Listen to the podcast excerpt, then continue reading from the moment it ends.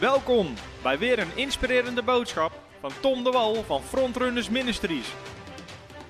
We bidden dat je via deze aflevering geïnspireerd wordt in je leven met God en opgebouwd wordt in je geloof. Hallo allemaal en van harte welkom weer bij deze nieuwe uitzending van Voice of Faith. En we zijn een soort miniserie aan het doen over vrouwen in bediening. En ik doe twee uitzendingen. En in de vorige uitzending heb ik het gehad over de zwijgteksten. Moeten vrouwen zwijgen in de gemeente of mogen ze spreken? Als je die niet hebt geluisterd, wil ik je van harte aanmoedigen om die te luisteren, waarin we die zwijgteksten uitleggen. En in deze uitzending gaan we het hebben over vrouwelijke voorgangers, predikers en bedieningen wat zegt de Bijbel daar eigenlijk over? En wat ik wil doen, is ik wil eerst door het Oude Testament heen gaan om te kijken welke taken en bedieningen kregen vrouwen in het Oude Testament. En vervolgens gaan we door het Nieuwe Testament heen en dan kijken welke taken en bedieningen kregen vrouwen in het Nieuwe Testament. En mijn gebed voor dit onderwijs zegt dat het veel mensen gewoon vrij zal zetten. Ook van gewoon denkbeelden die niet kloppen. In de vorige uitzending heb ik laten zien hoe gewoon dingen structureel verkeerd vertaald zijn. Ik wil ja, daarom uitnodigen om die uh, uitzending te kijken, omdat het je helpt ook een fundament voor deze uitzending te leggen. Heel vaak als de Bijbel spreekt over mens, is het vertaald als man. Um, heel veel van dat soort dingen um, zijn consequent verkeerd vertaald. We hebben ook een van die zwijgteksten gezien, waar heel veel vertalingen zeggen, dan moeten de vrouwen zwijgen, terwijl dat woord zwijgen nergens in heel de Bijbel wordt vertaald als zwijgen, behalve in die tekst. En dat het dat dus helemaal niet betekent. En nou goed, dat kan je allemaal terugkijken in de vorige uitzending. Maar nu gaan we het hebben over vrouwelijke voorgangers, predikers en bedieningen. Wat zegt de Bijbel? Ten eerste wil ik even kijken, wat zegt uh, de Bijbel in het Oude Testament? Wat was de rol van vrouwen in het Oude Testament? Ten eerste waren vrouwen stamhoofden. Andere vertalingen zeggen vorsten. En deze stamhoofden waren gezaghebbers in het woongebied van hun stam. En dat betekent dus dat die vrouwen hadden gezag en namen leiderschapsposities in. En uit niks blijkt dat de Bijbel dit afkeurde. Ik heb hier even een paar voorbeeldteksten uit Genesis 36, vers 40, 1 Kronieken, uh, waar de Bijbel een aantal vrouwen opnoemt als stamhoofden. Ten tweede spreekt de Bijbel over vrouwelijke koninginnen. Uh, van Israël was er uh, slechts één koningin in de geschiedenis van Israël, wat een vrouw was. Maar de moeder van de koning was in die tijd soms bijna net zo belangrijk als de koning zelf. En in 17 van de 19 gevallen wordt bij de uh, koning, de Joodse koning, wordt ook de naam van hun moeder genoemd. En kunnen we ook uit heel veel teksten opmaken dat zij bijvoorbeeld advies gaven en raad gaven en mee regeerden. Um, dus de Bijbel spreekt over vrouwelijke stamhoofden en vrouwelijke uh, en koninginnen. Daarnaast zien we in, de, in het Oude Testament al dat vrouwen spraken in de samenkomst. Een voorbeeld hiervan is de dochters van uh, Selofshat. Zij stelden zich voor Mozes en de priester uh, en de vorsten en de gehele vergadering en zeiden. En ze beginnen dan te spreken. En uiteindelijk is het de Heer die zegt tegen Mozes in nummer 27, vers 6: De Heer sprak tot Mozes en uh, die zei: De dochters van Zelaf, Feat, ligt een beetje aan welke vertaling je pakt, uh, hebben gelijk. U moet hun inderdaad hun erfelijke bezit geven. Dus zij spraken in de samenkomst bij de tent van ontmoeting. Hetzelfde geldt voor Mirjam, die Israël mee uitleidde samen met Mozes en Aaron uit Egypte en ze was een profetes, Mirjam de profetes. Um, en dan zegt uh, vers 21, en ze zong en gaf hun ten antwoord. En, alle, en zij leidde de mensen in aanbidding, maar ze sprak ze ook toe. En dat werd gedaan door de profetes Mirjam. Daarnaast kregen vrouwen posities door bijvoorbeeld zelfs heel Israël te leiden. Denk even aan Deborah, een van de richteren, een van de rechters. En Deborah, een vrouw die een profetes was, de vrouw van uh, Lapidot, die gaf in die tijd als richter leiding aan Israël. Um, een andere voorbeeld hiervan is Mirjam, uh, wat ik net al zei, Micha 6 vers 4 zegt uit het slavenhuis heb ik u verlost en ik zond voor u heen Mozes, Aaron en Mirjam. De Bijbel noemt Mirjam letterlijk als een van de drie leiders, Mozes, Aaron en Mirjam, die samen uh, Egypte uit, of Israël uit het slavenhuis Egypte heeft geleid.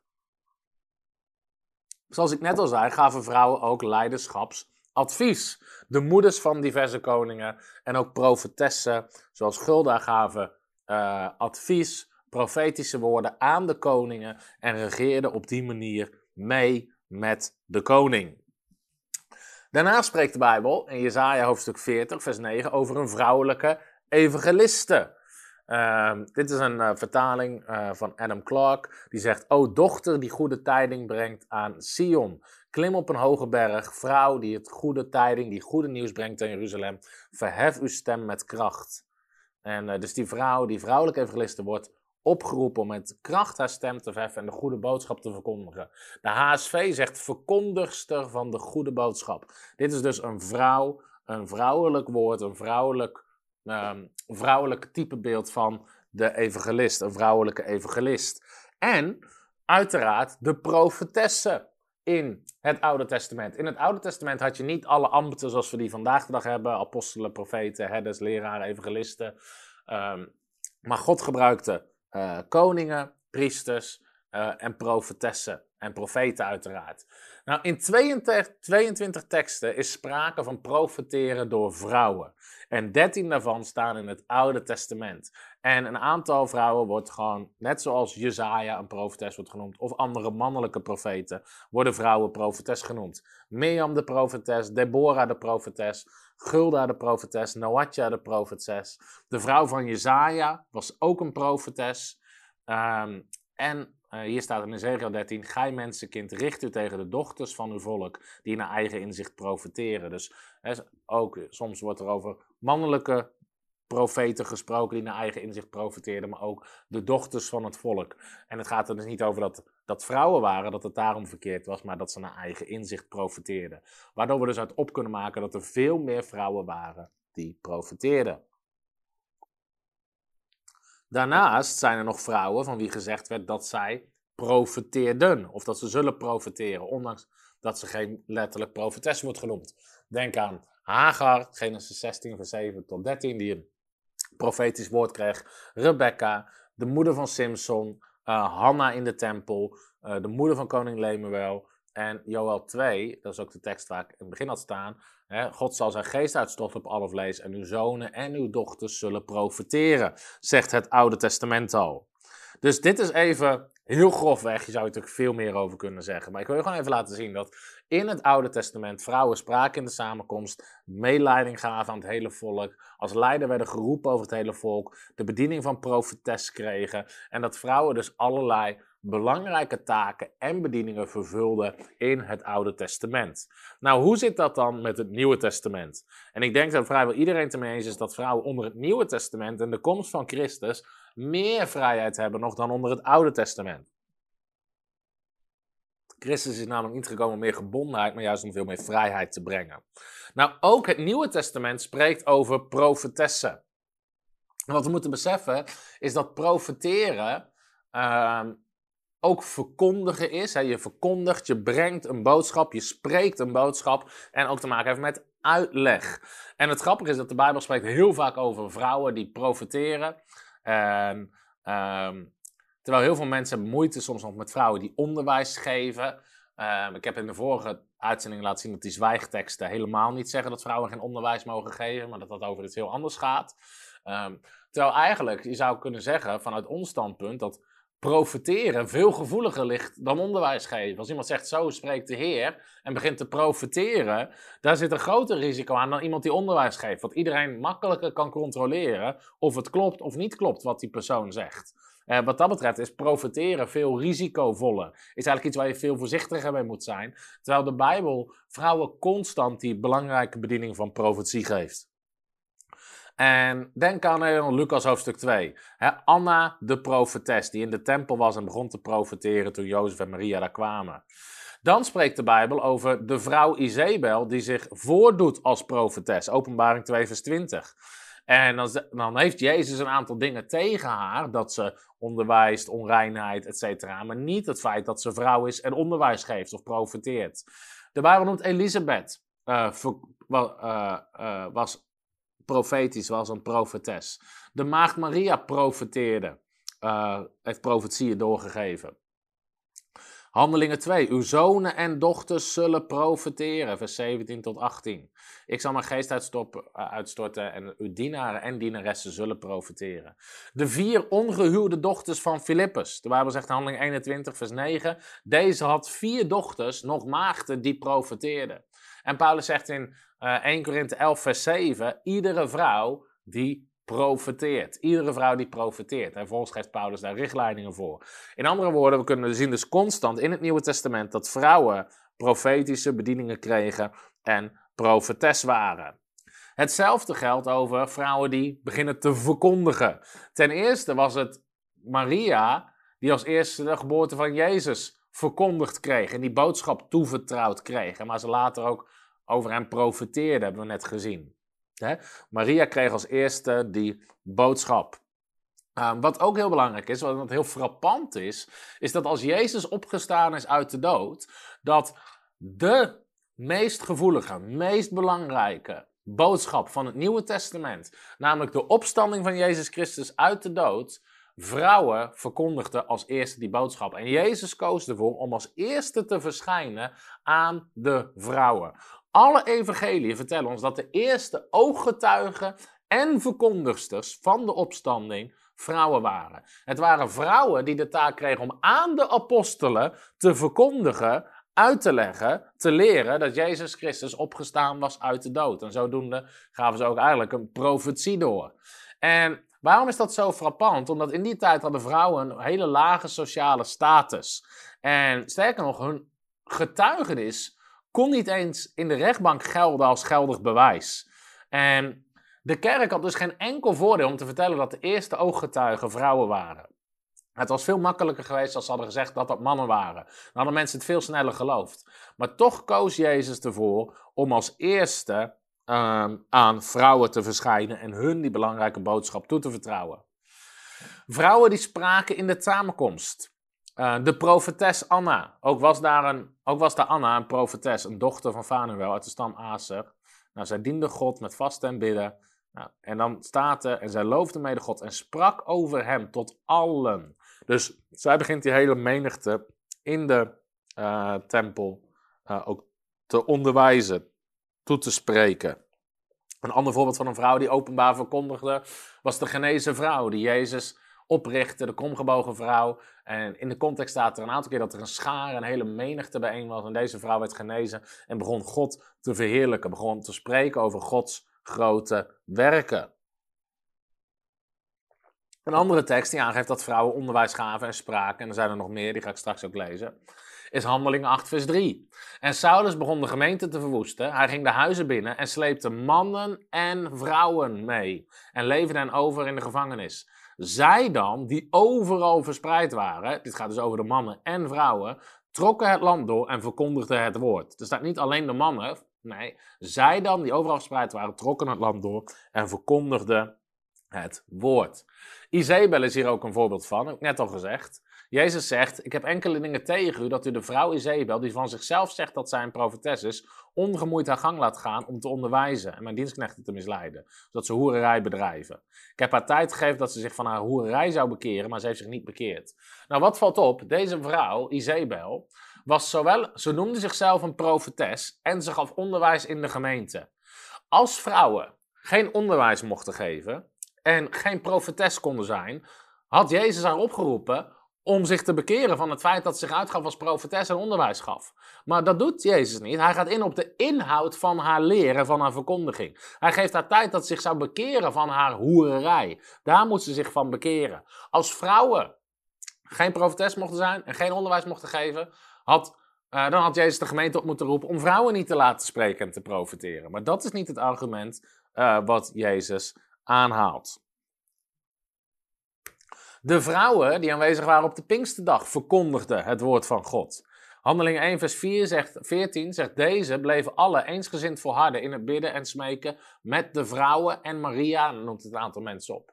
Dus er waren 120 aanwezig op de Pinksterdag, waaronder een groep vrouwen. En dan staat er, toen de dag van het Pinksterfeest vervuld werd, waren ze allemaal eensgezind bijeen. Ze werden allemaal vervuld met de Heilige Geest en begonnen te spreken in andere talen, zoals de Geest nog gaf uit te spreken. Allemaal begonnen te spreken. En de menigte hoorde hen spreken in hun taal over Gods grote werken. Ook de vrouwen verkondigden Gods grote werken en hoorden dat. De Samaritaanse vrouw is een mooi voorbeeld. Jezus gaat naar die Samaritaanse vrouw bij de put en we kennen het verhaal. Hè, dat Jezus zegt dan, eh, u heeft vijf mannen gehad, deze nu heeft u niet uw man. En die vrouw krijgt openbaring dat Jezus de Messias was. Een Samaritaanse vrouw. En die Samaritaanse vrouw gaat terug naar de stad en begint iedereen daar te verkondigen over de Messias. En het gevolg was dat de mensen de stad uitgingen en tot hem kwamen. En vers 39 staat, en uit die stad geloofden er vele der Samaritanen in hem om het woord der vrouw, de woord van de vrouw, die getuigde. Jezus stuurde deze vrouw erop uit om te getuigen, te verkondigen het evangelie. En door deze vrouw geloofden velen. Dus wat hebben we nu gezien? We kunnen nog al een hele hoop andere teksten. Ga ik straks wel lezen over vrouwen die taken en bedieningen hadden. Maar je ziet hier in het Nieuwe Testament: profeteerde vrouwen, waren profetes, gaven onderwijs, uh, functioneerden als evangelist. Nu een andere vraag. Mogen vrouwen gemeentes leiden? Mogen ze pastor, herder, opziener, oudste, hoe je dat ook wil noemen? De Bijbel hè, zijn verschillende woorden voor hetzelfde ambt in de gemeente. Mogen vrouwen gemeentes leiden? En heel veel mensen zeggen nee, dat mag niet. Maar de Bijbel zegt best wel heel veel over vrouwelijke gemeenteleidsters. Laten we eens gaan lezen in, in 2 Johannes hoofdstuk 1. Daar staat dit. 2 Johannes, de apostel Johannes schrijft een brief. De ouderling, de oudste, zeggen andere vertalingen. De apostel was mede-oudste. Aan de uitverkoren vrouw, Electra Curia, en aan haar kinderen. Ik heb mij zeer verblijd dat ik er onder uw kinderen gevonden heb die in de waarheid wandelen. In overeenstemming met het gebod dat wij van de Vader ontvangen hebben. En nu vraag ik u, vrouwen, als, hè, dat zegt hij dan in vers 5, ik ga niet de brief voorlezen, maar nu vraag ik u, vrouwen, als iemand bij u komt en deze leer niet brengt, ontvang hem niet in het huis en begroet hem niet. U groeten, zo sluit hij de brief af, de kinderen van uw zuster, ook de uitverkorenen. Die was ook uitverkoren. Amen. Nou, wat zien we hier? Ten eerste, Johannes schrijft als oudste aan een vrouwelijke gemeenteleidster. Johannes schrijft als oudste aan een vrouwelijke gemeenteleidster. Sommige mensen zeggen, ja, maar dat is symbolisch. Nee, als je kijkt naar 3 Johannes, zegt, zegt Johannes, de ouderlingen aan de geliefde Gaius. Nou, dan denkt niemand dat het symbolisch is. Dan denkt iedereen, nee, dat is een fysiek persoon, Gaius. En nu, omdat het een vrouw gaat, zeggen mensen dat het symbolisch is. Maar het is niet symbolisch, ik ga je zo laten zien waarom niet. Deze vrouw heeft geestelijke kinderen, want hij schrijft aan haar, ook aan haar kinderen. Altijd als de apostel Johannes kinderen gebruikt, heeft hij het niet over natuurlijke kinderen, maar over geestelijke kinderen. Deze vrouw is verantwoordelijk voor het onderwijs in de gemeente en wordt opgeroepen om dwaalleer buiten de deur te houden. vrouwen, ik roep u daartoe op. En haar zuster was ook uitverkoren en leidde een gemeente en had dus geestelijke kinderen. Nou, deze brief is. Uh, oh ja, dit zijn dus de tegenargumenten. Waardoor sommige mensen zeggen: ja, maar dit, uh, dit was geen vrouwelijke gemeenteleidster. Die zeggen: deze brief is gericht aan een gemeente voorgesteld als vrouw. Het is dus symbolisch. Maar het probleem is dat uh, Curia, letterlijk meesteres, is een veel voorkomende vrouwennaam uit die tijd. het is eigenlijk een tegenhanger van het Hebreeuwse Martha.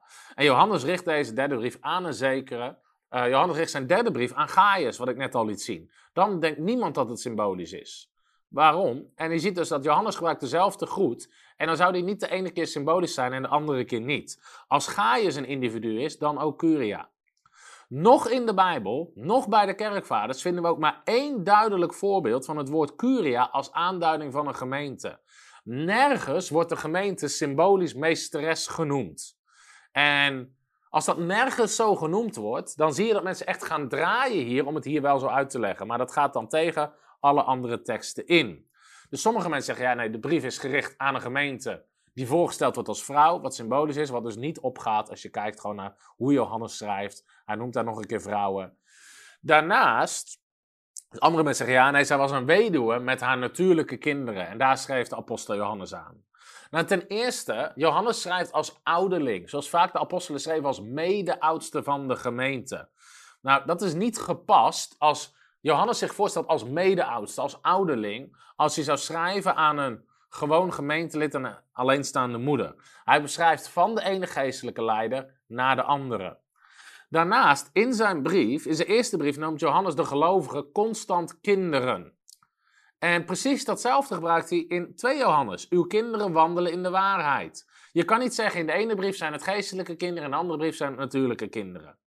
Daarnaast zegt Johannes in 2 Johannes, allen die de waarheid kennen, hebben, kind, hebben Kyria's, hebben die vrouw haar kinderen lief. Nou, wat is ligt meer voor de hand? Dat alle ware christenen Kira's geestelijke kinderen lief hebben, of dat ze allemaal van haar natuurlijke kinderen houden? Uiteraard gaat dit over haar geestelijke kinderen, de gemeenteleden.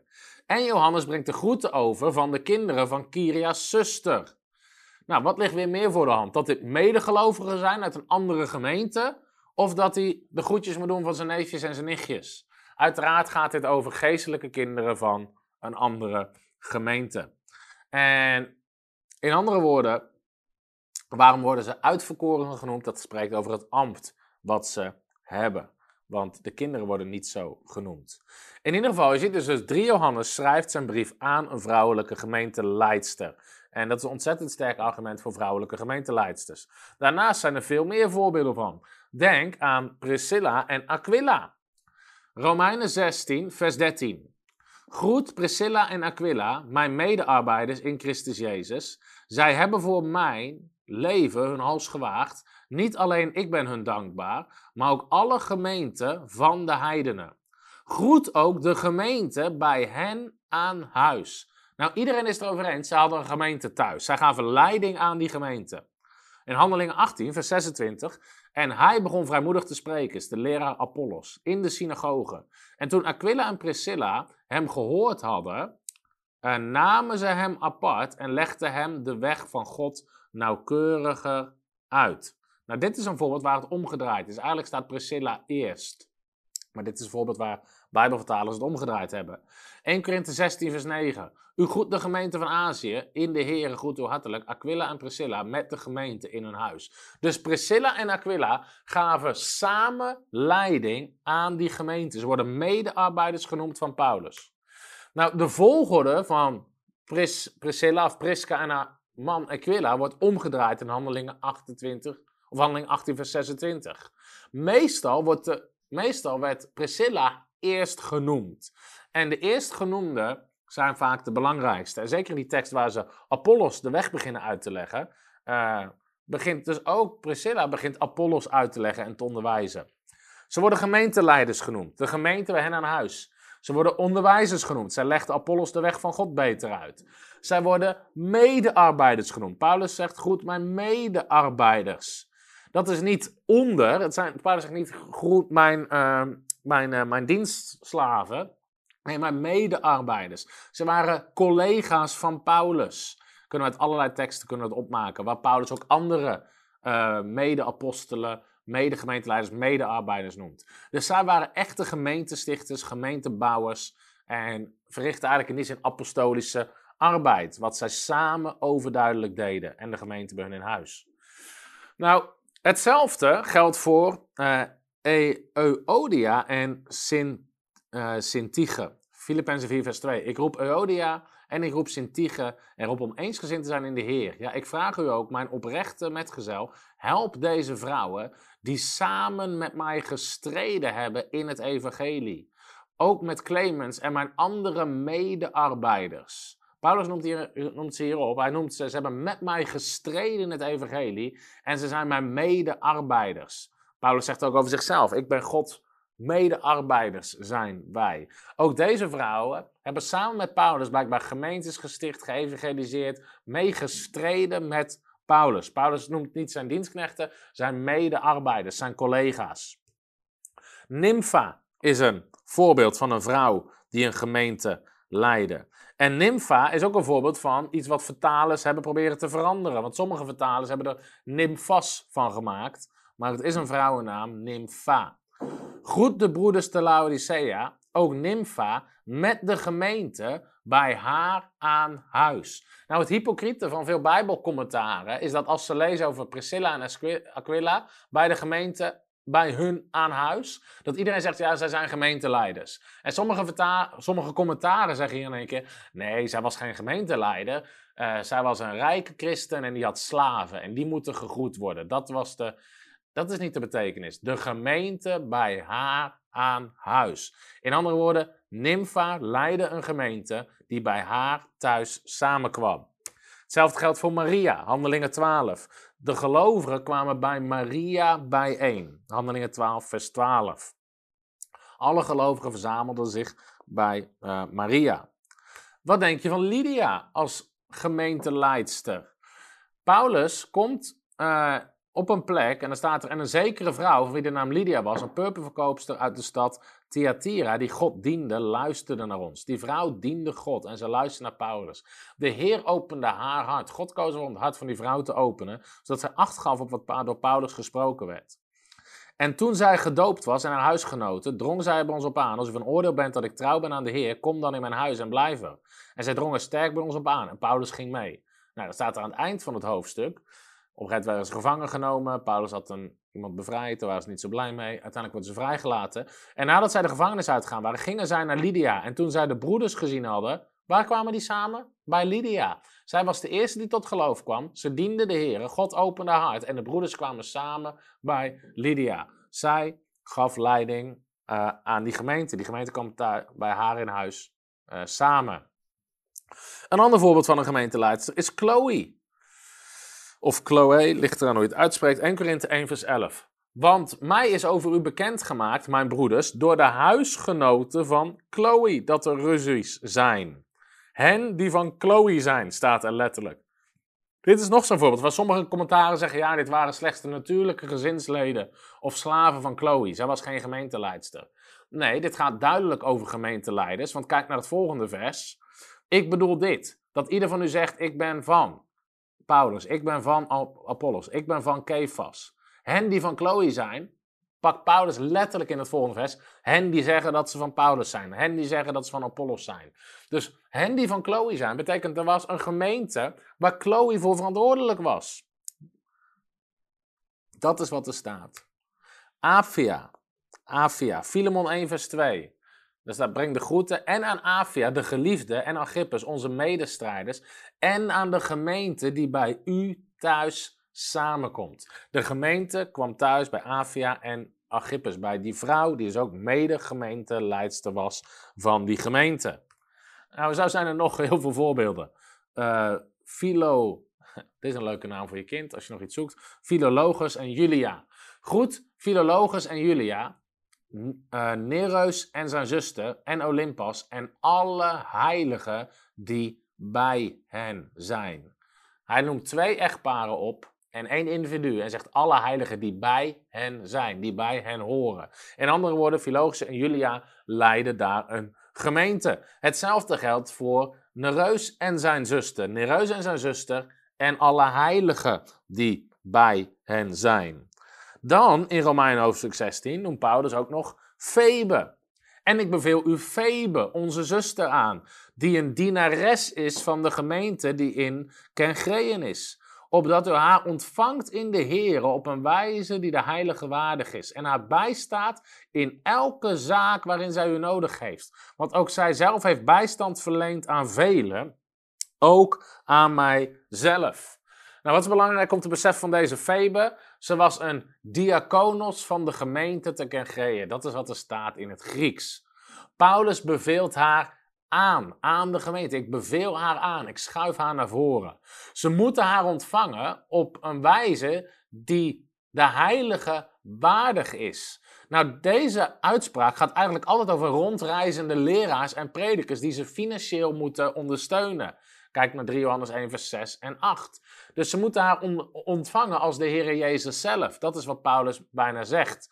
ze moeten op haar godwaardige manier ontvangen. Ze moeten haar helpen in elke zaak waar ze hulp nodig heeft. En Febe heeft zelf vele gemeentes geholpen. ze heeft mij bijstand, ze heeft bijstand verleend aan velen. En Febe heeft Paulus geholpen en bijstand verleend. Nou, dit diakonos, dienaar, is niet, uh, wat sommigen zeggen, ze was een diaken. Nee, ze had een vooraanstaande functie in de gemeente.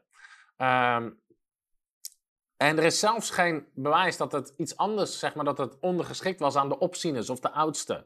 Zij vonden een belangrijke categorie leidersfiguren. En zelfs de apostelen worden diakonoi genoemd. Wordt, krijgen dezelfde titel. Ook Apollos, Tychius, Epaphras, Timotheus en Onesimus worden allemaal met diezelfde titel door Paulus aangeduid als deze Febe. Zij was dus een enorm belangrijke medearbeider, gemeenteleidster of leider in de gemeentes uh, waar Paulus haar ook van harte aanbeveelt aan, uh, aan Rome.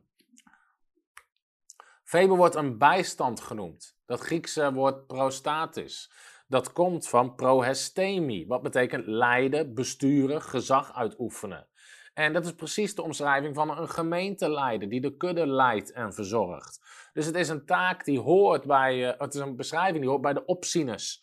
Dus dat Griekse bijstand, He, zij heeft een vele bijstand, ze heeft velen geleid, ze heeft velen geholpen op die manier. Dus Febe was niet slechts een diaken of iemand die voor de armen zorgde. Ze was een vooraanstaand apostolisch leider in de gemeente. En Paulus noemt in Romein hoofdstuk 16 zelfs vrouwelijke apostelen.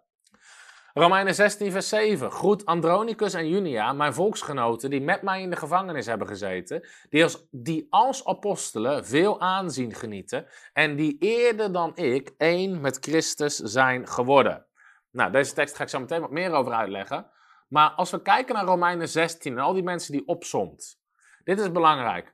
In Romeinen 16 spreekt Paulus over afzonderlijke gemeentes in de stad Rome. Twee daarvan worden geleid door een echtpaar, Priscilla en Aquila en Philo, uh, Philologus en Julia. Eén daarvan door een broer en een zus, Nereus en, en, en diens zuster. Deze gemengde echtparen worden erkend als leiders van de gemeente. Maar hiernaast hebben we gezien dat er ook vrouwen alleen genoemd worden die de gemeente leiden. In Romeinen 16, stelselmatig worden vrouwen met voorrang genoemd. Dat kan je niet verklaren als ze alleen maar onderdak boden aan de betreffende huisgemeentes. Als men de hele lijst met namen in Romeinen 16 uh, ziet, dan moet men concluderen zelfs dat vrouwen meer geëerd werden dan mannen, ondanks dat ze minder genoemd werden. En ze kregen ook belangrijkere rollen toegeschreven. Dus je ziet dat Paulus noemt constant vrouwen op belangrijke posities. Even terug naar die vrouwelijke apostelen. Junia. En sommigen zeggen Julia, maar Junia. Goed, Andronicus en Junia, mijn volksgenoten die met mij in de gevangenis hebben gezeten, die als apostelen veel aanzien genieten en die eerder dan ik één met Christus zijn. Nou, in de vorige video heb ik laten zien dat heel veel Bijbelvertalers proberen onder de teksten uit te komen. Dus um, Nympha probeert er een nymphas van te maken. En dit is ook zo'n voorbeeld. Junia was een vrouw. Sommigen geloven niet dat God ook vrouwelijke apostelen roept. Dus hebben ze twee tegenargumenten. De een is dat heel veel vertalingen zeggen Junia was Junias. Dus het was geen vrouw, maar een man. En anderen zeggen ze waren geen apostelen. Dus dan krijg je dit soort geknutsel, wat ook de HSV doet. Goed Andronicus en Junias, mijn familieleden en mijn medegevangenen, die in aanzien zijn bij de apostelen. Die in aanzien zijn bij de apostelen, die al eerder dan ik in Christus waren. De MBG voegt zelfs toe mannen onder aanzien des apostelen. Nou, dit is eigenlijk heel schadelijk, dit soort vertalingen. Er zijn al heel veel theologen die hebben uitgebreid aangetoond dat als apostelen de juiste vertaling is en niet in aanzien onder de apostelen. Als je het vertaalt als in aanzien uh, onder de apostelen, doet het totaal geen recht aan de Griekse tekst.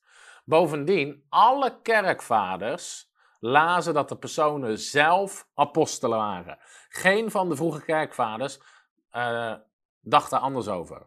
De Leidse vertalingen zegt daarom die onder de apostelen een ereplaats bekleden. De GMB, zij behoren tot de bekendste apostelen. En de MBV zegt die als apostelen veel aanzien, genieten.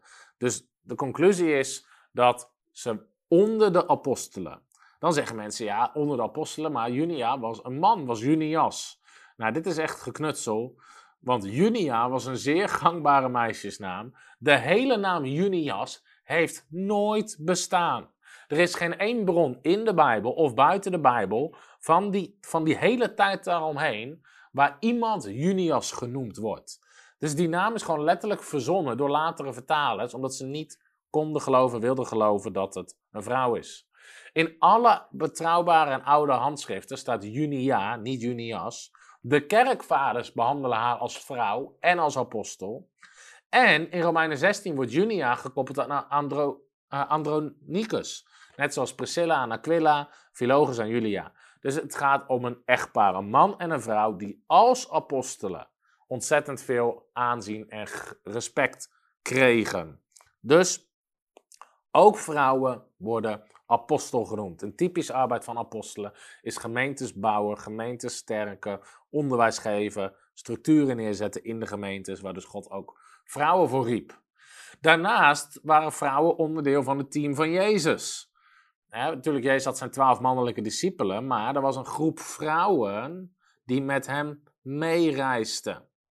Er staat, hij, hij ging van stad tot stad, van dorp tot dorp, predikte het evangelie van het koninkrijk van God. En de twaalf waren bij hem en sommige vrouwen. Nou, en dan worden die vrouwen worden opgenoemd. Er was een groep vrouwen die meereisden. Het interessante is dat het Nieuwe Testament noemt de twaalf apostelen. En daarnaast worden nog 36 andere mensen apostel genoemd.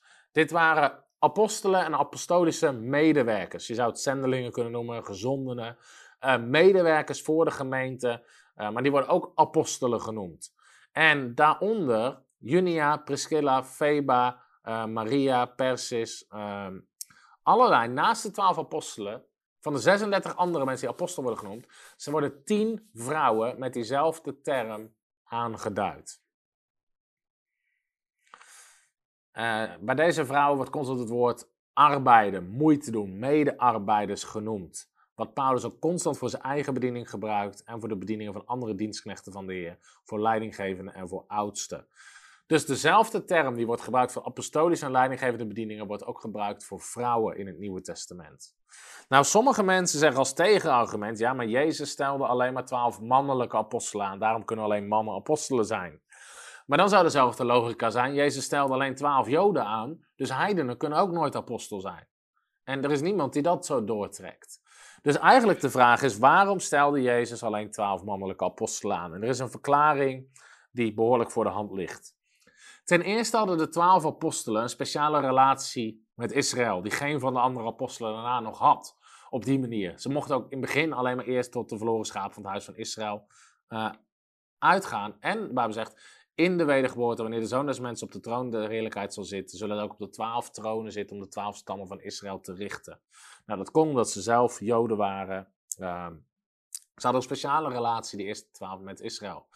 Jezus zond zijn twaalf apostelen alleen aan de verloren schapen van Israël. En na de opstanding moesten ze beginnen in Jeruzalem en daarna pas naar de andere gebieden. Nou, in de, in de Joodse context van die tijd uh, konden vrouwen die taak niet vervullen. Niet omdat Jezus dat niet wilde, maar omdat de context het niet toestond. Dat ga ik zo meteen laten zien.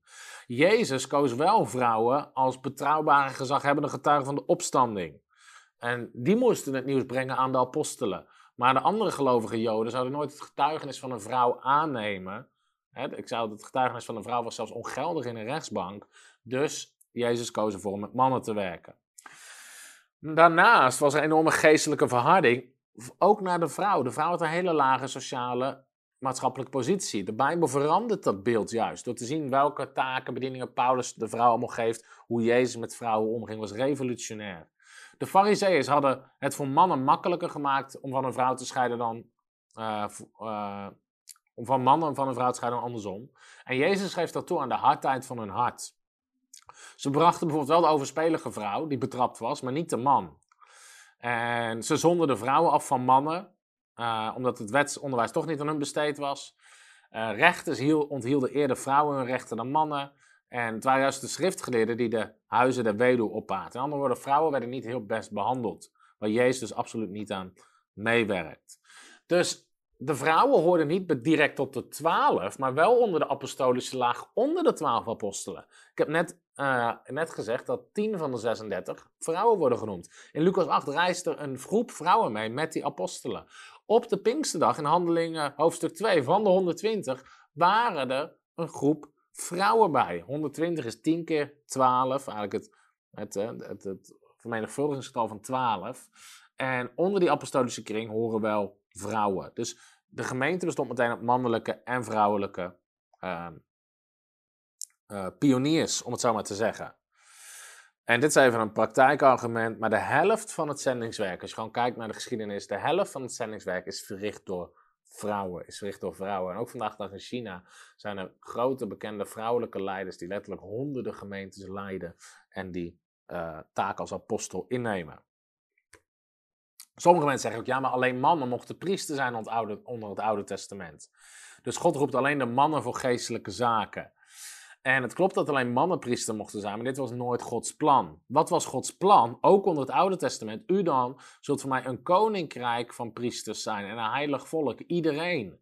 Alleen onder het Oude Verbond en onder de wet van de zonde ging dat niet door. Maar onder het Nieuwe Testament is die situatie anders. U bent een uitverkoren, alle gelovigen zijn een uitverkoren geslacht, een koninklijk priesterschap, een heilig volk. Niet alleen de mannen, mannen en vrouwen, een volk dat God zich tot eigendom maakte, opdat ze de deugden van God zouden verkondigen. Onder het Nieuwe Testament zijn we allemaal onderdeel van het heilige priesterschap, mannen en vrouwen.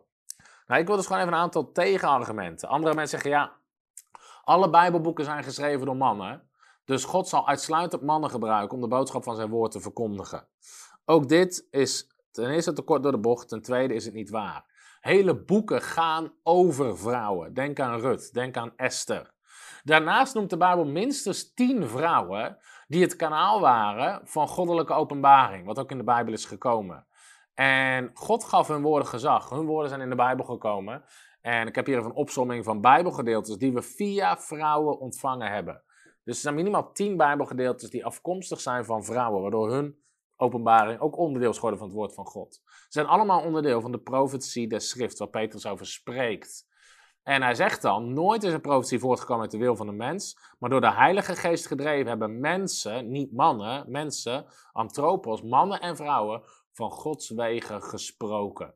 Petrus noemt de auteurs van de schrift niet met mannen, maar met mensen. Ook alle vrouwelijke auteurs en boeken over vrouwen worden meegerekend. Um, nou goed, er zijn veel meer dingen die we hierover zouden kunnen zeggen. Grappig is dat zelfs God tegen Sarah moest zeggen: luister naar uw man. Er zijn andere voorbeelden van vrouwen ook die hun mannen uh, soms moesten corrigeren of wat dan ook. En dat gewoon, dat sterker nog, God daaraan meewerkt. Ik heb de vorige uitzending ook laten zien dat de man heeft gezag over zijn eigen vrouw in het huwelijk. Ze hebben wederkerige verplichtingen, uh, maar nooit het mannelijk geslacht. In het algemeen over het vrouwelijke geslacht. En dus, uiteindelijk kunnen we concluderen dat hè, deze tekst, het gelaat hoofdstuk 3, wat in de context gaat over redding, doop, etc. Waar de Bijbel zegt, hè, in Christus is man nog vrouw. Dat gaat niet direct over bedieningen, maar de conclusie uit alle teksten van het Nieuwe Testament is wel zo dat in Christus is er geen onderscheid tussen de bedieningen, de taken, de roepingen die God geeft aan mannen en aan vrouwen. Vrouwen krijgen constant belangrijke taken en bedieningen en dezelfde taken en bedieningen toegewezen als mannen in het Nieuwe Testament. En deze tekst heb ik de vorige keer ook doorlopen, maar ik wil ze gewoon nog een keer doorlopen in, in de vorige uitzending. Waar we zien dat de gaven en roepingen voor iedereen zijn. Paulus schreef aan de Korinthe-gemeente, aan de gemeente van God die in Korinthe is, aan de geheiligden in Christus Jezus, geroepen heiligen, met alle die de naam van onze Heer Jezus Christus aanroepen. Dit gaat voor alle gelovigen. Dan zegt, dan zegt Paulus, u bent namelijk in alles rijk geworden in hem, in alles spreken, wat betekent woord van onderwijs, in alle genadegaven, ook profeteren, prediken, in alle kennis. En het ontbreekt u aan geen enkele genadegave. Dit zegt Paulus tegen de mannen en de vrouwen. In 1 Korinthe 11 zegt hij, iedere vrouw die bidt of profeteert, dus vrouwen baden en profiteren in de samenkomst. 1 Korinthe 12, dan zegt Paulus dit. Er is verscheidenheid van genadegaven, maar het is dezelfde geest. Er zijn verschillende bedieningen, maar het is dezelfde Heer. Er, is verschillende, er zijn verschillende werkingen, maar het is dezelfde God die alles in allen werkt. Niet die alles in alle mannen werkt, die alles in allen werkt. En aan iedereen wordt de openbaring van de geest gegeven. Nou, dan noemt hij de gaaf van de geest op. Al deze dingen, vers 11, werkt één en dezelfde geest die aan iedereen uitdeelt zoals hij wil. Mannen en vrouwen. Alle gaven, alle bedieningen, alle werkingen worden gegeven door God, die alles in alle werkt en iedereen uitdeelt en aan iedereen geeft.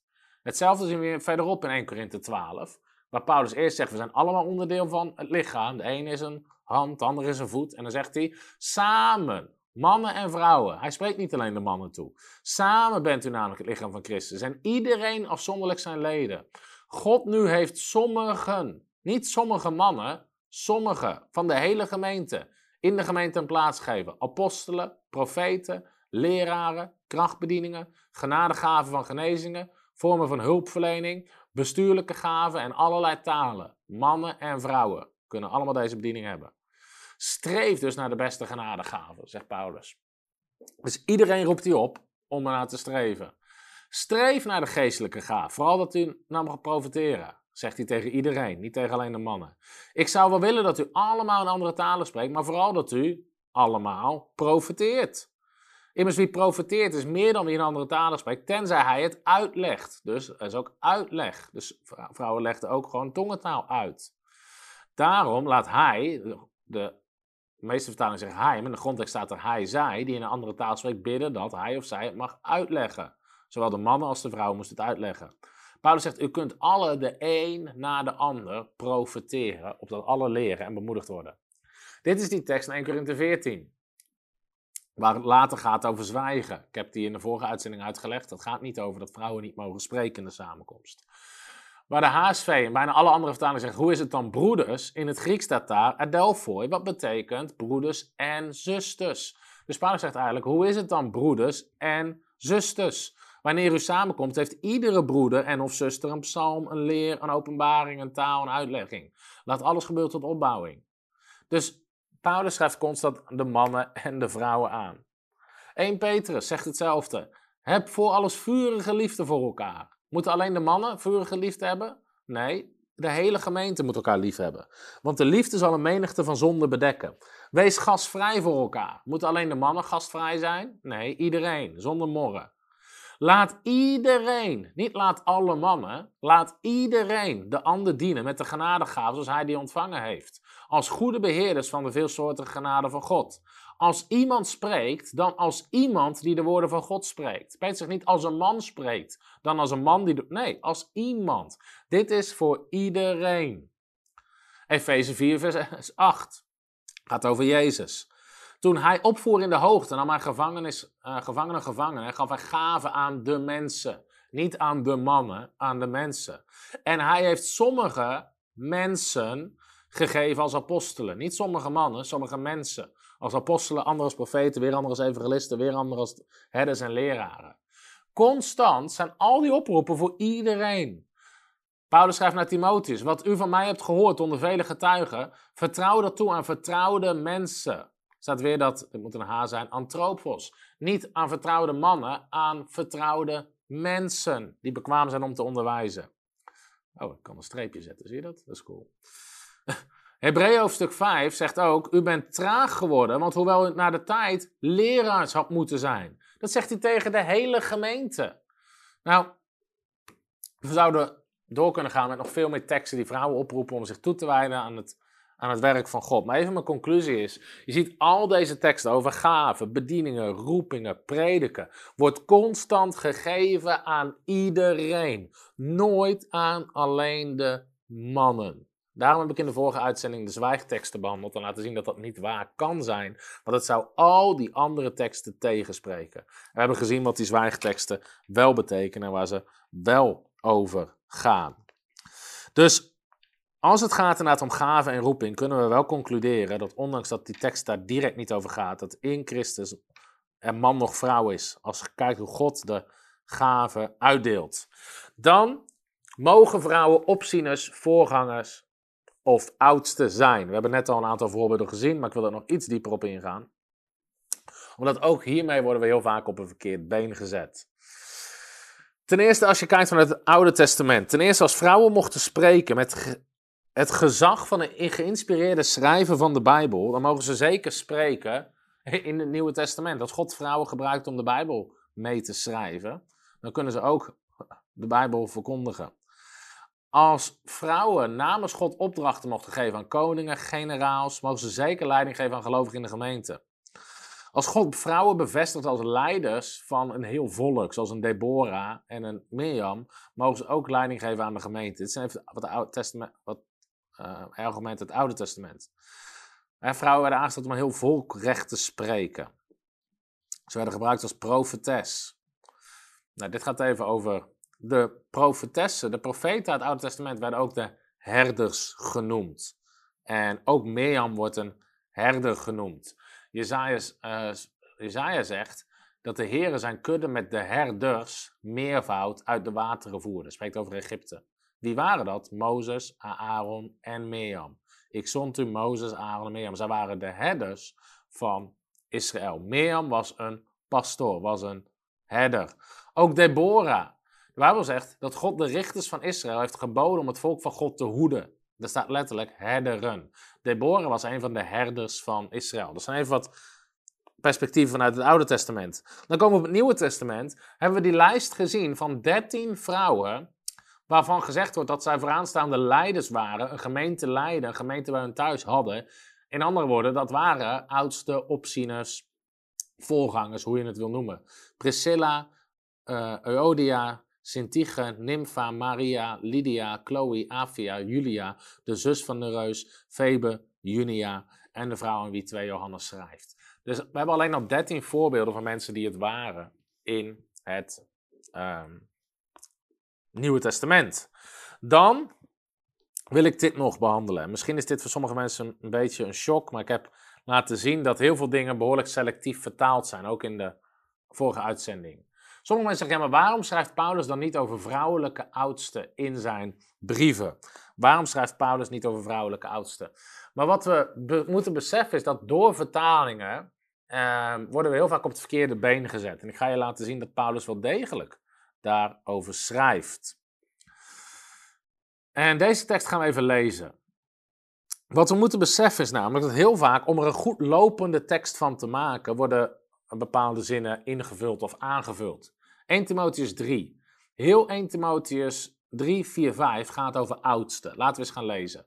Dit is een betrouwbaar woord, zegt Paulus. Als iemand, dat is het Griekse woord tis, wat betekent nou iemand, niet een man. Als iemand verlangen heeft naar het ambt van opziener, begeert, en dan zegt onze HSV hij, maar dat staat er niet in de grondtekst. Er staat deze persoon. Er staat gewoon begeert deze persoon een voortreffelijk werk.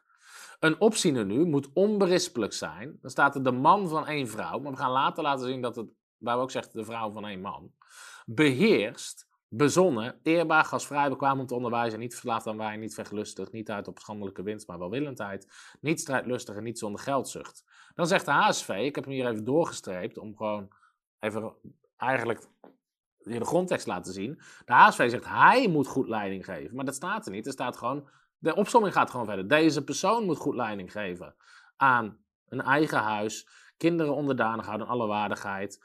Want als iemand, het is niet als een man, als iemand niet weet hoe hij leiding moet geven aan zijn eigen huis, hoe zal, daar staat weer in de HSV hij, maar er staat in de grondtekst gewoon deze persoon, of de zin loopt gewoon door, voor de gemeente van God zorg dragen.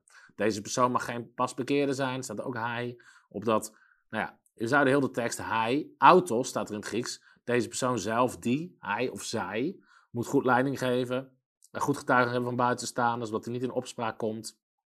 De diakenen evenzo, et cetera, et cetera. Nou, ik ga nu niet heel de tekst lezen. Mijn punt is dat je op het verkeerde been wordt gezet als je overal leest um, hij, hij, hij, hij, hij.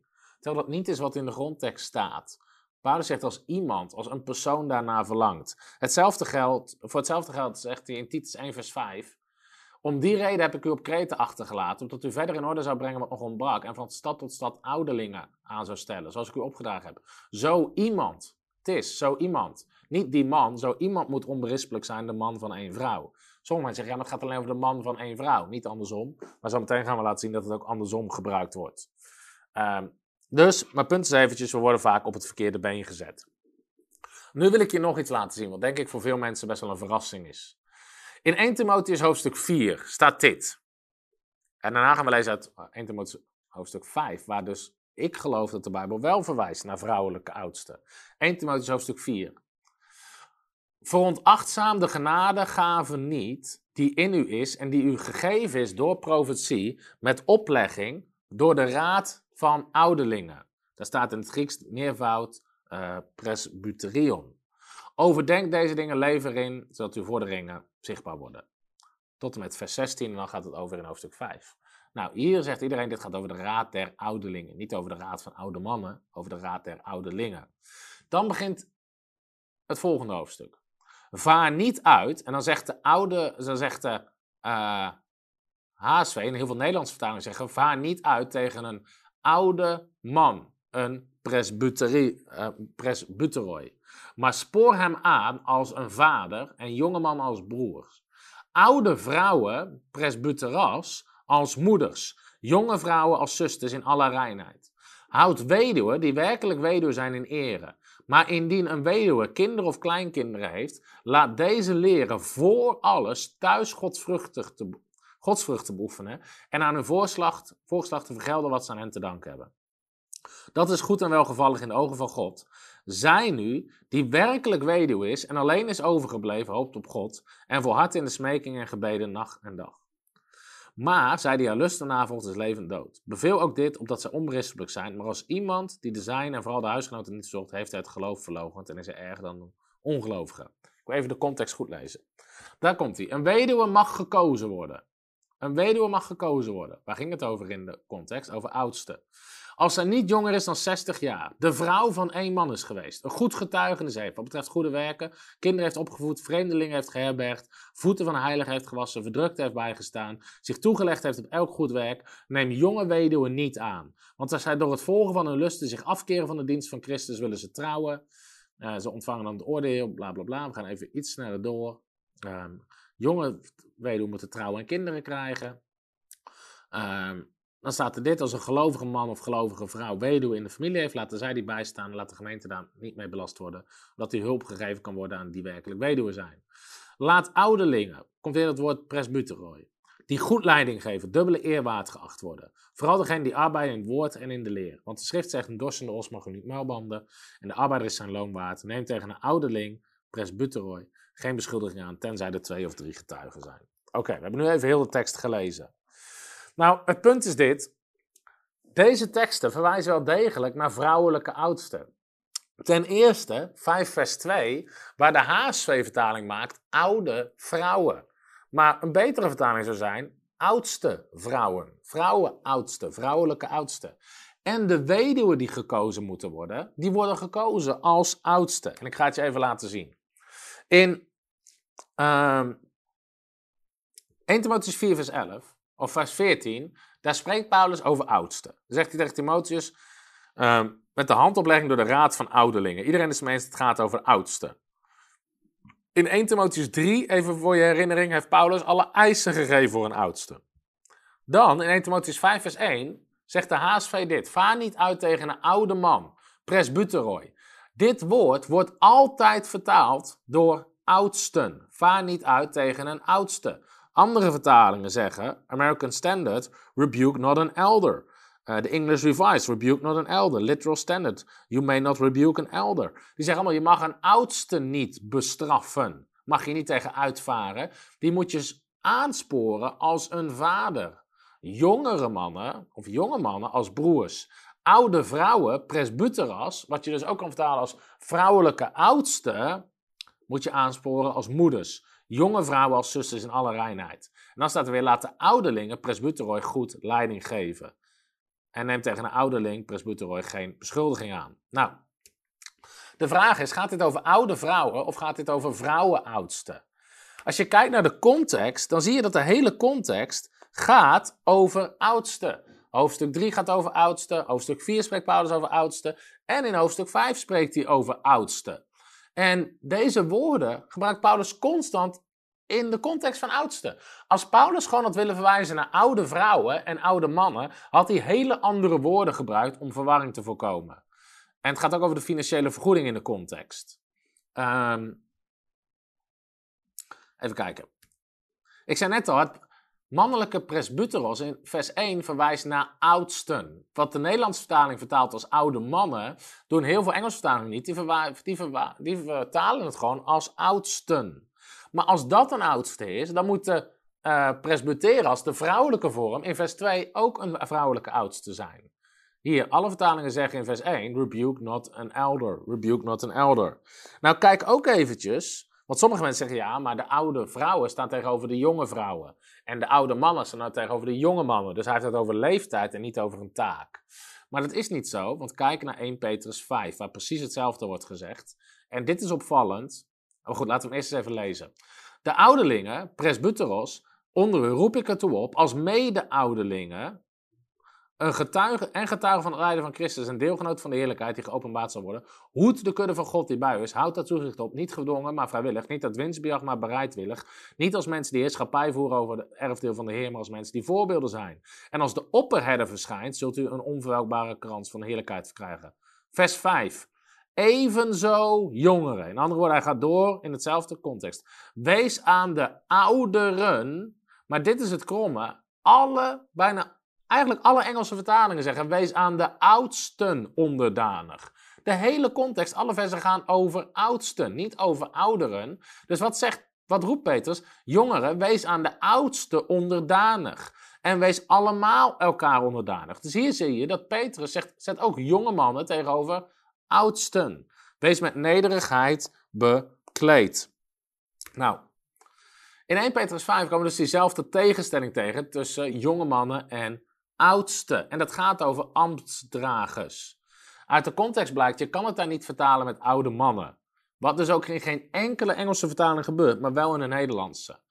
En dat jonge mannen daar tegenover gezet worden, dat maakt niet uit. Anders dan zeggen, en u jongeren moet de kant van het gezag van de oudsten erkennen.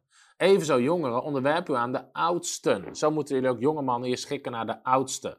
Dus, um, wat, verder, wat verder nog belangrijk, als Paulus het woord uh, presbyteros gebruikt in het Nieuwe Testament, heeft het maar één keer, of niet alleen Paulus, in het hele Nieuwe Testament heeft presbyteros heeft maar één keer betrekking op letterlijk leeftijd. Namelijk Handelingen 2 vers 17. Ik zal uitstorten mijn geest op alle vlees en uw ouderen zullen dromen dromen. Dat is waar dat woord gebruikt wordt en letterlijk gaat over leeftijd. In alle andere gevallen gaat het over een ambt. En wat doen mensen? Die pakken dat uh, die pakken dat woord in 1 Timotheus 5 en zeggen ze nee, hier gaat het ook over leeftijd. Terwijl in alle andere gevallen en in de context en ook in Petrus gaat het duidelijk over een ambt. Bovendien als Paulus in zijn brieven oude vrouwen en mannen aanspreekt, gebruikt hij een heel ander woord. Niet presbyteros, maar presbytes. En dat doet hij twee keer. Oude mannen moeten nuchter zijn, waardig zijn. En ook oude vrouwen noemt hij uh, presbytis. En dan heeft hij letterlijk over oude vrouwen. Dus als Paulus dit zegt, vaar niet tegen, uit tegen een oudste. Dat is dus hoe de Engelse vertalingen vertalen en waar de context duidelijk over gaat. Maar spoor hem aan als een vader. Jonge mannen als broers. En dan zegt dus eigenlijk vrouwelijke oudsten als moeders, jonge vrouwen als zusters. Als je kijkt welke woorden Paulus gebruikt en naar de context, kan je bijna alleen maar concluderen dat Paulus het heeft over vrouwelijke oudsten en niet over oude vrouwen. Als Paulus dat misverstand wilde voorkomen, had hij hele andere woorden gebruikt. Want dit woord gebruikt hij nergens voor oude vrouwen. Bovendien heeft het hier over, over en hier gaan we mee afsluiten, heeft het hier over vrouwen en dan over vrouwen, vrouwelijke oudsten. En dan zegt hij, een weduwe mag gekozen worden als zij niet jonger is dan 60 jaar en de vrouw van één man is geweest. Dan noemt hij al die eisen op. Neem jonge weduwen niet aan, want die kunnen zich afkeren van de dienst van Christus. Dus hij heeft het hier over het dienen van Christus en het aannemen van oudsten. Net zoals hij het een paar hoofdstukken eerder over had. En dan zegt hij weer, laat de oudsten die goed leiding geven. Dubbele eerwaard geacht worden. Nou, sommige commentaren zeggen, nee, die weduwen die gekozen moeten worden, dat gaat over armoedehulp. Paulus geeft aan welke weduwe je mag kiezen voor armoedehulp. Maar kijk dan eens naar de eisen die Paulus stelt. Hier hebben we ze even als overzicht. Dan zou Paulus dus dit zeggen. Voordat je in aanmerking komt voor armoedehulp, moet je minimaal 60 jaar zijn, de vrouw van één man zijn geweest, een goed getuigenis hebben wat betreft je kinderen, je kinderen opgevoed hebben, vreemdelingen geherbergd hebben, de voeten van heiligen gewassen hebben, verdrukte bijgestaan en je moet je toegelegd hebben op elk goed werk. Dit mogen nooit, en dit zijn nooit voorwaarden voor armoedehulp in het Nieuwe Testament. In Handelingen 6, waar ze ook de weduwe moeten verzorgen, dan wordt er niet gezegd, jongens, degene die je voeding geeft, die moet even door deze hele checklist heen. Nee, dit zijn geen voorwaarden voor armoedehulp, dit zijn voorwaarden voor vrouwen. Kijk, voor vrouwelijke oudsten. Kijk maar. Wat zegt Paulus over de oudsten? In 1 Timotheus 3 en Titus 1 moet onberispelijk zijn, de man van een vrouw, niet losbandig, gasvrij, gunstig bekend staan, zijn eigen kinderen onder tucht houden, niet een pas bekeerde.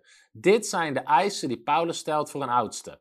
Let op welke eisen Paulus stelt voor de, voor de weduwe die gekozen moeten worden voor het werk van Christus. Onberispelijk, de vrouw van één man, niet losbandig, gastvrij, bekend staan vanwege goede werken, kinderen grootgebracht hebben en niet een jonge weduwe. Wat is de conclusie? De exact dezelfde eisen als voor oudsten. Je kan niet zeggen dat dezelfde eisen voor armoedehulp precies dezelfde eisen zijn als je in aanmerking komt om oudste te worden in de gemeente. Dus Paulus heeft het niet over armoedehulp. Bovendien heeft hij het over financiële beloningen en hen eren. En dat gaat over ehm, iemand die een ambt vervult. Het leraarschap apostel oudste. En hij heeft het over het afkeren van de dienst van Christus. In andere woorden, het kan niet gaan over armoede, hulp en weduwe. Um, dat, dat is onacceptabel. Dat kan je niet stellen als eis. Het kan ook niet gaan over een ander ambt dan oudste. Als je kijkt naar de context. Het moet dus gaan over oudsten vrouwen of vrouwelijke oudsten die gekozen worden en onderhouden worden voor de dienst van Christus. Nou, wat is de conclusie? Qua taken, bedieningen en roepingen is er geen onderscheid tussen man en vrouw. En sterker nog, vrouwen krijgen allerlei belangrijke bedieningen toebedeeld in het Nieuwe Testament. En ik hoop dus dat dit onderwijs een beetje bijdraagt aan mensen, vooral aan vrouwen, om in hun roeping te gaan wandelen, om in, hun, in de taak die God heeft gegeven te gaan wandelen. En juist dat we het lichaam van Christus in volle potentie, mannen en vrouwen, gaan benutten. Want er is verscheidenheid aan gaat, maar het is dezelfde geest. Er zijn verschillende bedieningen, met dezelfde Heer. Er is verschillende werking, maar het is dezelfde God die alles in alle werkt. En ik hoop met deze studie in ieder geval mensen geholpen te hebben. Ik snap dat we wat diepte bij willen gaan, dat we dingen goed en diep proberen uit te leggen. Mijn gebed zegt dat dit vrouwen vrijzet. Dus ik wil ervoor bidden. Daarmee wil ik ook afsluiten. En ik hoop dat je gezegend bent door dit onderwijs. Dus vader, dank u wel voor uw woord. Heer, dank u wel hoe u vrouwen machtig gebruikte door een heel woord. Oude Testament, Nieuwe Testament. En ik wil bidden voor gewoon voor iedere vrouw ook die dit kijkt, Heer. Heer, dat ze zullen ontdekken wat hun roeping, wat hun gave, wat hun taak is. En dat ze de vrijmoedigheid zullen hebben om erin te gaan wandelen, om zich ernaar uit te strekken, dat ze krachtig zullen zijn. En dat er vrijheid en ruimte komt. En ik wil u danken voor alle vrouwelijke bedieningen die opgericht gaan worden in de naam van de Heer Jezus Christus. Amen. Nou, ik bid dat je gezegend bent door dit onderwijs. Ik vertrouw erop. We hebben nog een aantal vrouwelijke bedieningen die je kort willen bemoedigen, die je kort willen toespreken. En um, ik zie je de volgende keer weer met een andere onderwijsserie. God zegen. Lieve vrouwen, mijn naam is Astrid Veddes en weet je, jij bent bestemd om te regeren. Als wij vrouwen niet opstaan, dan is de helft van Gods leger uitgeschakeld, inactief. Jouw invloed is nodig waar je woont, waar je werkt en waar je leeft. Jij bent nodig. Hey, mijn naam is Emmy en ik wil alle vrouwen bemoedigen om te wandelen en te rennen met de roeping die God al in je heeft gelegd, nog voordat je bestond. Hallo, ik ben Erika Dunk. Als klein meisje zat ik in de kerk en ik zag de dominee. En ergens wist ik diep van binnen, dit is waar God me ook voor roept. Maar ik dacht, dat mag ik niet. Dat kan ik niet. Daar, dat is niet gepast als vrouw. En toch heeft God me geroepen. En ik zie dat zijn gunst op mijn leven ligt. En ik wil jou aanmoedigen. Als jij weet wat je roeping is, ga erin wandelen en verheerlijk Jezus daarmee. Hallo allemaal, my name is Jackie Gruske and my husband and I, we pastor at the River Amsterdam Church. Um, from a young age as a teenager, I felt a very strong call of God in my life. And I, I felt that it was to preach the gospel. And I also sensed in my spirit that it would be in a different nation. But at that time, I didn't see any women preachers around about me. Actually, it was not something that was done at the church that I went to. So I didn't know how to navigate that.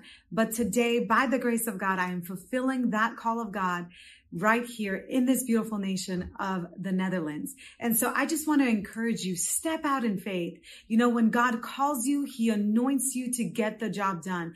The anointing is the equipment to get the job done. So you have a supernatural grace of God on your life to get it done. So I encourage you to step out and run your heavenly race. We are cheering you on. Ik ben Tessa van Tessa van Ons Ministries en ook ik wil alle vrouwen ertoe oproepen en aanvuren te gaan wandelen in de roeping en de bediening die God voor hen heeft. Hoi, mijn naam is Femke en ik wil jullie oproepen om te gaan voor de roeping die God voor jullie levens heeft.